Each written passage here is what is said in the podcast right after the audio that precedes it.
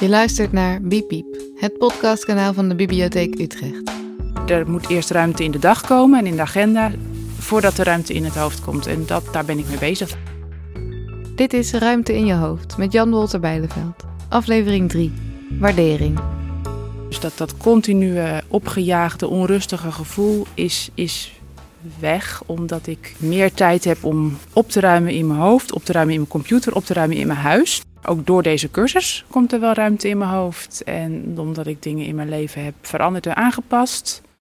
Door uh, de rust te hebben en de tijd om um, te weten wat de belangrijke dingen zijn die je wilt doen. In plaats van doorrennen en met alles wat moet. Nou, ook een rondje wandelen in de lunchpauze. Je brein gaat door en dat werkt supergoed. Dan schiet ineens van alles te binnen. Van hé, hey, ik was dat aan het doen, maar dat moet anders. Dan komt er heel veel boven. En dat is heel fijn. Ook al moet je keuzes maken, dat is het wel waard, die ruimte in je hoofd. Nou, de afgelopen twee sessies hebben er wel voor gezorgd dat je aan het denken wordt gezet. Dus gewoon na te kunnen denken en te kunnen reflecteren op de, hoe ik mijn tijd indeel en de keuzes die ik maak. Dat um, uh, vooral tijd voor mezelf noodzakelijk in is.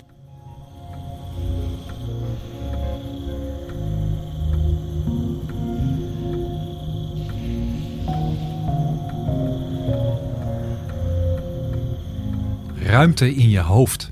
Het is mooi als je er wat van kunt maken. Je hoofd zit soms vol met dingen die nog moeten, vragen, gedachten, actiepunten, plannen, van alles. En daardoor lukt het soms niet om echt aandacht te hebben voor het mooie en het goede, zelfs als het direct voor je ligt. Deze derde podcast in de serie Ruimte in je hoofd gaat over waarderen. Ruimte in je hoofd is een serie van vier workshops die ik in het najaar van 2020 geef in de Bibliotheek Utrecht. Ik ben Jan Wolter Bijleveld, schrijver van de boeken Loslaten, Losser Werken en Los Leven, docent van de School of Life Amsterdam en nog veel meer. En na elke workshop geef ik in deze podcast een korte samenvatting. Deze keer stonden we stil bij vier thema's, namelijk een zekere eenvoud, aandacht, het besef van sterfelijkheid en tot slot geluk en dankbaarheid.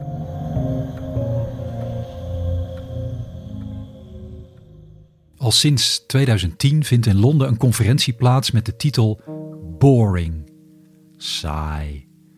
De onderwerpen die er besproken worden, die zijn al tien jaar boring.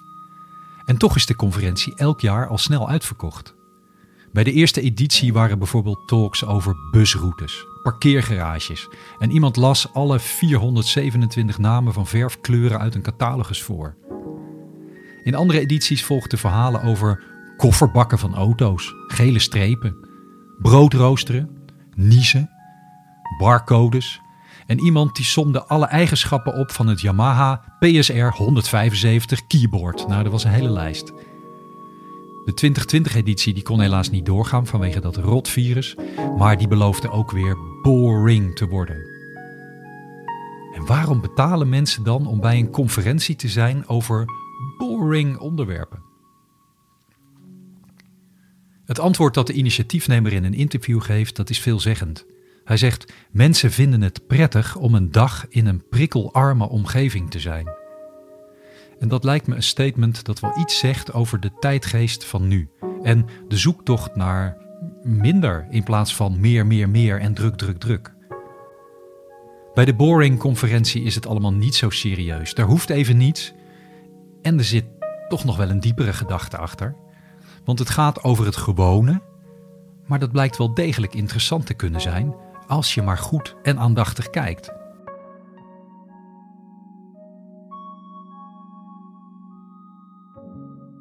Slow, langzaam, prikkelarm. Dat geldt zeker ook voor het World Championship Snail Racing, het wereldkampioenschap slakkenracen, dat al sinds ruim 25 jaar in Norfolk in Engeland gehouden wordt. Elk jaar doen meer dan 200 slakken mee. De starter die spreekt bij elke race de woorden ready, steady, slow, waarna de eigenaars hun slak op het ronde bord zetten, zodat ze kunnen beginnen aan de raceafstand van 13 inch. En na alle voorronden strijden de allersnelste 13 slakken in de finale race om de eindtitel. En in 2019 won slak Sammy in een tijd van 2 minuten 38. Maar hij kwam niet in de buurt van de twee minuten rond waarmee Slak Archie al sinds 1995 absoluut recordhouder is. Het is een gemoedelijk event, geen gedoe, geen drukte. En het gaat natuurlijk uiteindelijk nergens om, behalve gezellig, lekker buiten bij elkaar zijn. Eenvoudig genieten. hey, mag het? Soms lijkt het alsof je daar niet mee voor de dag kunt komen. Het is een beetje suf, het is weinig ambitieus of efficiënt. Tijdverspilling eigenlijk. Maar is dat wel zo? Moet het altijd maar waanzinnig, mind-blowing en adrenaline opjagend zijn? Mensen zijn op de vlucht voor zichzelf, schreef de Stoïcijnse filosoof Seneca 2000 jaar geleden al. En dat zoeken naar afleiding, dat werkt alleen maar ontevredenheid in de hand, schreef Seneca in zijn boekje Innerlijke Rust. Wetenschapper en filosoof Blaise Pascal die schreef in de 17e eeuw al: Al het ongeluk van mensen komt voort uit het onvermogen alleen in een kamer te blijven zitten. We blijven volgens hem maar rusteloos bezig, vooral om de, de zinloosheid van het bestaan te ontlopen. Juist als je even rustig zit, dan wordt opeens duidelijk hoe zinloos ons bestaan eigenlijk is, zegt hij. Een beetje somber beeld, maar op een bepaalde manier misschien ook wel herkenbaar. Want als je opeens alle tijd hebt, wat ga je er dan mee doen? Dat kan je echt overvallen als je opeens die vrijheid hebt. Persoonlijk heb ik het idee dat je in plaats van eindeloos te discussiëren over of het leven nou wel of geen zin heeft, er beter bewust bij stil kunt staan wat jou energie en voldoening en plezier geeft. Voor jezelf en voor anderen om je heen. En heel misschien krijg je dan zelfs wel een idee, terwijl je van alles uitprobeert en onderzoekt en, en aanklooit, dat het leven toch op de een of andere manier ja, zin heeft, maar zonder dat je daar dan heel hard over na hoeft te denken. Aan de andere kant, soms kun je ook het gevoel hebben dat je niet toekomt aan wat voor jou echt belangrijk en waardevol is. Juist met zo'n druk vol hoofd. En dan zou je kunnen nadenken: hé, hey, wat als ik twee keer zoveel tijd had? Of je kunt je ook afvragen: wat als ik twee keer zoveel moed had? Moed met een D. Als je mocht kiezen, wat zou jij dan kiezen? Twee keer zoveel tijd of twee keer zoveel moed? Oeh, goede vraag. Ik zou voor twee keer zoveel moed kiezen, denk ik. Want als je dan, dan durf je meer te kiezen voor wat je echt wil. En ik denk dat dat meer waard is dan alle tijd in de wereld. Dan kies ik twee keer zoveel tijd. Ja, zal niet zeggen dat ik genoeg moed heb, maar ik zou wel zelf meer moed kunnen maken. Maar ik kan niet zelf meer tijd maken. Ik heb op dit moment heel veel tijd. Ook door de hele uh, pandemie-situatie. Maar ik heb ook niet per se het gevoel dat ik extra moed nodig heb. Dus ik kan niet echt een keuze maken. Je hebt op dit moment misschien even moed met een D. Om even weer stappen te zetten. En uh, daar weer inspiratie uit halen.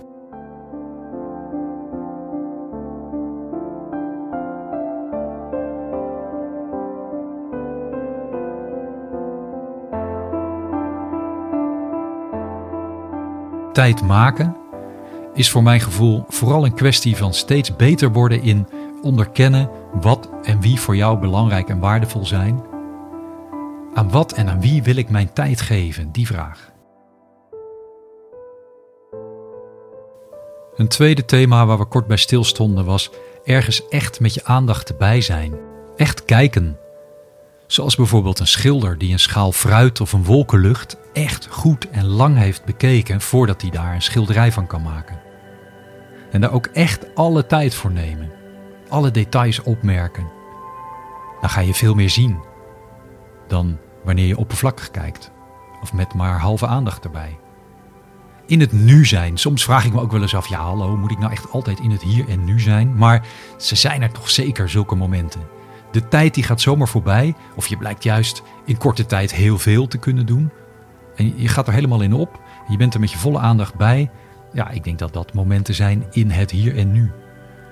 Herken je dat? Op welk recent moment maakte je dat zelf mee? Zo'n moment in het hier en nu? Een derde thema is iets wat veel mensen, ik ook hoor, op afstand houden gedurende hun leven, namelijk de dood. Het besef dat het allemaal gewoon weer ophoudt. Het besef van sterfelijkheid. Ja, leven alsof het je laatste dag is, dat klinkt ook een beetje onrustig soms. Maar de goede kant is natuurlijk wel, uh, besef goed wat je met je tijd doet.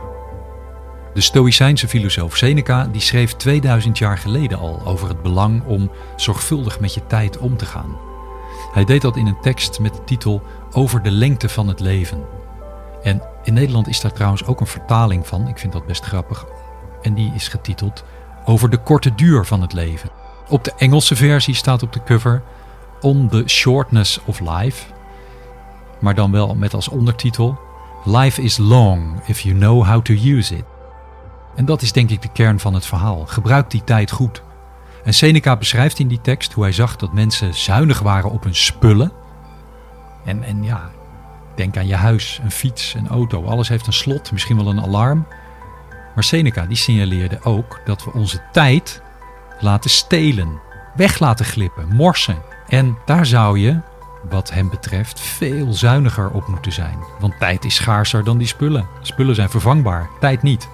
En daarmee bedoelde hij denk ik niet dat je elke seconde maar effectief en efficiënt moet zijn. Maar wel dat je zorgvuldiger zou kunnen bepalen aan wie en aan wat geef ik mijn tijd. En ook aan wie en aan wat bij voorkeur toch maar niet.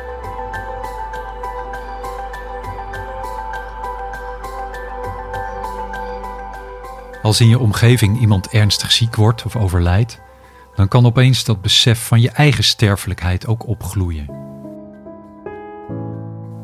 Je hoort wel verhalen van mensen die door een ziekte of ziekte of overlijden van een naaste hun leven en hun prioriteiten radicaal omgooien. De gebeurtenis is voor hun dan life-changing. Opeens maken ze bewuste keuzes aan wie en wat geef ik mijn tijd. Je zou ook kunnen zeggen, wat, wat kunnen we daar nu al van leren? Zonder dat je zoiets meteen zelf mee hoeft te maken. Kun je ook zonder zo'n life-changing event al iets veranderen voor jezelf? Het is natuurlijk niet de meest vrolijke gedachteoefening, maar het kan toch zinvol zijn om eens voor jezelf na te gaan. Stel nou dat ik nog maar beperkt de tijd heb. Wat zou ik dan als eerste veranderen? En wat vertellen mijn gedachten me dan? Wat kan ik daar nu mee? Op welke manier kan ik daar toch al naar handelen? Ook al heb ik gelukkig nog vele gezonde jaren voor de boeg.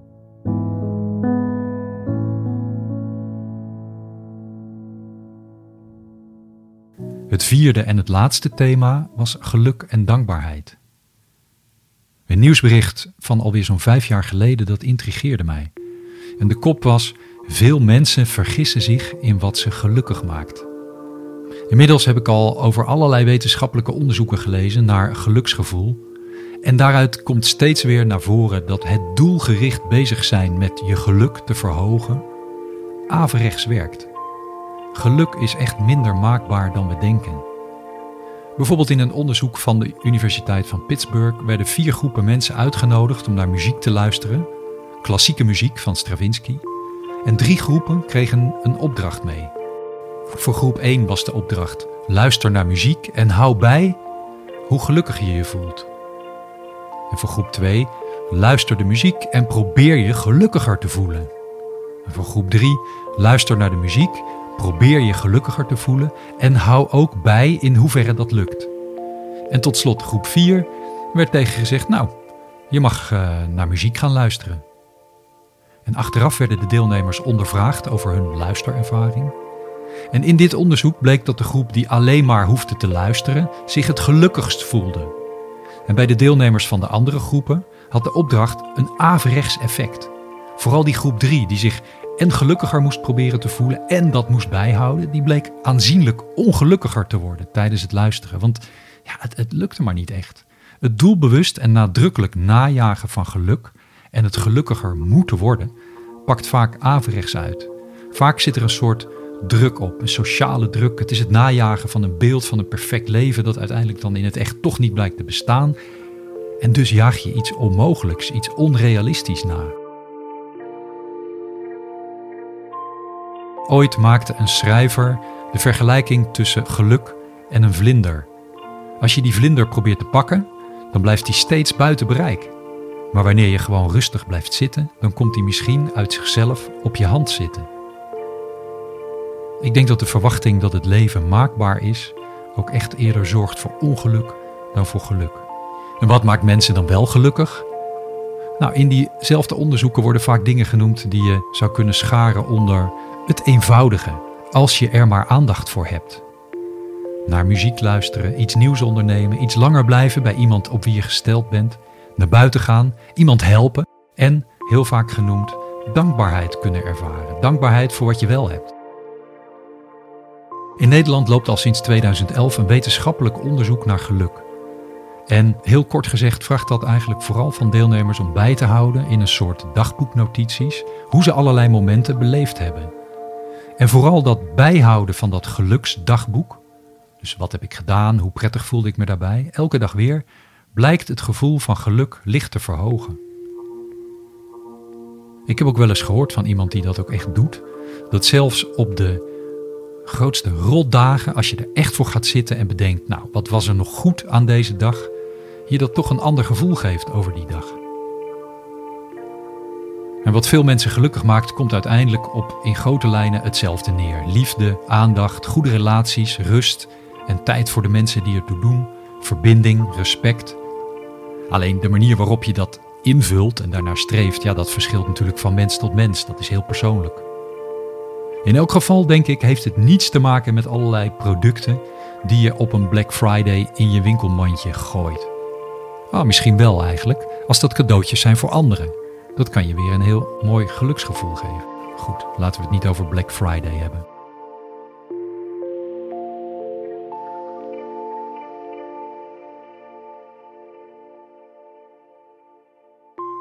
Deze vier thema's, eenvoud, aandacht, sterfelijkheid en geluk en dankbaarheid, geven je hopelijk weer stof tot nadenken over ruimte in je hoofd. Tijd maken is denk ik steeds beter worden in onderkennen of toegeven wat belangrijk en waardevol voor je is en daarnaar handelen. Het gaat om momenten van overgave, ergens met je volle aandacht bij zijn en erin opgaan. En tijd is kostbaar. Er is genoeg, maar te weinig om te verspillen. En wat je nodig hebt is het vermogen om te blijven zien wat er is, in plaats van te blijven hangen in allerlei gedachten over hoe iets zou moeten zijn.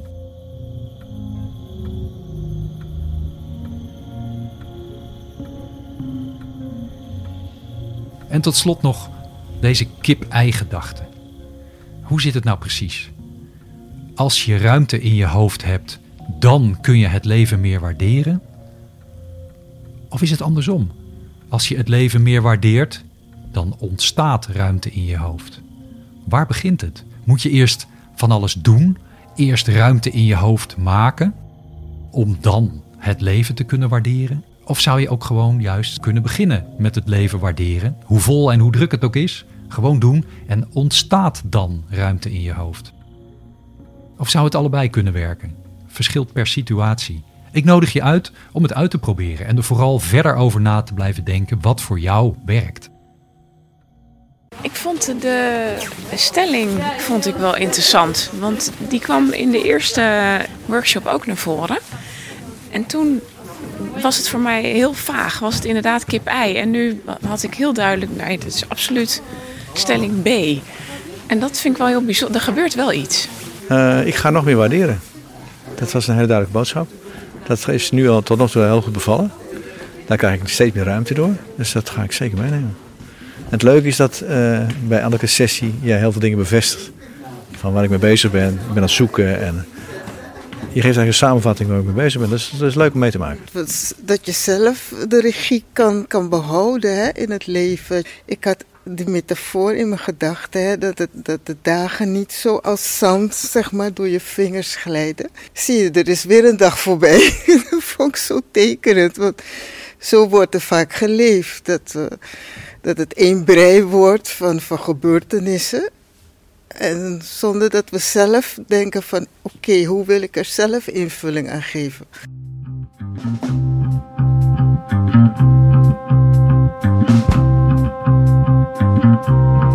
Hopelijk heb je ook deze podcast kunnen waarderen. Half december is alweer de laatste in de workshop-serie Ruimte in je hoofd. En daarna volgt ook weer de podcast. En het onderwerp is met het einde van 2020 en het begin van 2021 in zicht.